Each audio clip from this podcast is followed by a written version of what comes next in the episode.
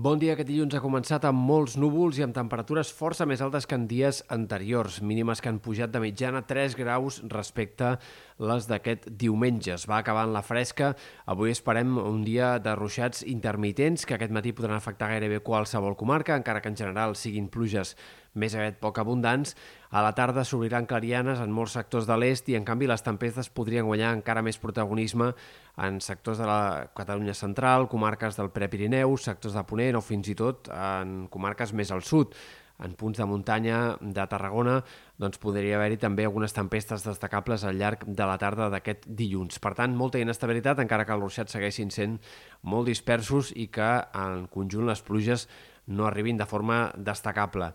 De cara a dies vinents seguirà la inestabilitat. Aquest dimarts començarà amb més clarianes a la costa i al prelitoral, però les nuvolades i les tempestes es repetiran en molts sectors interiors i eh, en moltes comarques centrals. A diferència del que sol passar o com ha anat passant en dies anteriors, un cop formats els ruixats i tempestes en aquest inici de setmana es desplaçaran cap a l'oest. Això, per tant, afavorirà que els ruixats arribin més probablement cap a Ponent i, en canvi, doncs, siguin menys probables a prop de la costa. Arruixats sempre aquest dimarts també, molt irregulars, però localment acompanyats de tempesta i amb possibilitat d'algunes calamarsades també.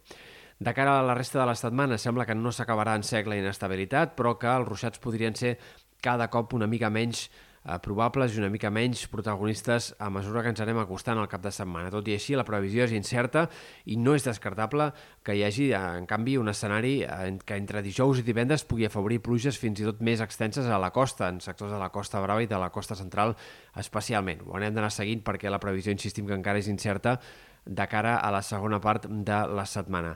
En tot cas, sembla poc probable que la inestabilitat s'estronqui clarament i, per tant, poc o molt sembla que els ruixats i tempestes aniran apareixent, sobretot al Pirineu i Prepirineu, al llarg de tot el que ens queda d'aquest mes de maig. Pel que fa a la temperatura, la calor serà una mica més protagonista que en setmanes anteriors. No hem d'esperar un ambient purament d'estiu aquests últims dies de maig, però sí temperatures eh, doncs una mica més de final de primavera, màximes que superaran amb més facilitat els 25 graus, alguna màxima puntual que pot arribar a superar els 30 graus, sobretot entre dijous i divendres en comarques interiors, i en general una calor més notòria, tot i que insistim que no hi ha indicis a hores d'ara de cap situació de calor forta o de calor intensa en aquest tram final del mes de maig i podríem gairebé allargar-ho fins als primers dies del mes de juny. Per tant, de moment seguirem amb temperatures com a mínim normals per l'època, a diferència del que va passar l'any passat, en què ja al maig vam tenir diverses situacions de temperatures molt altes.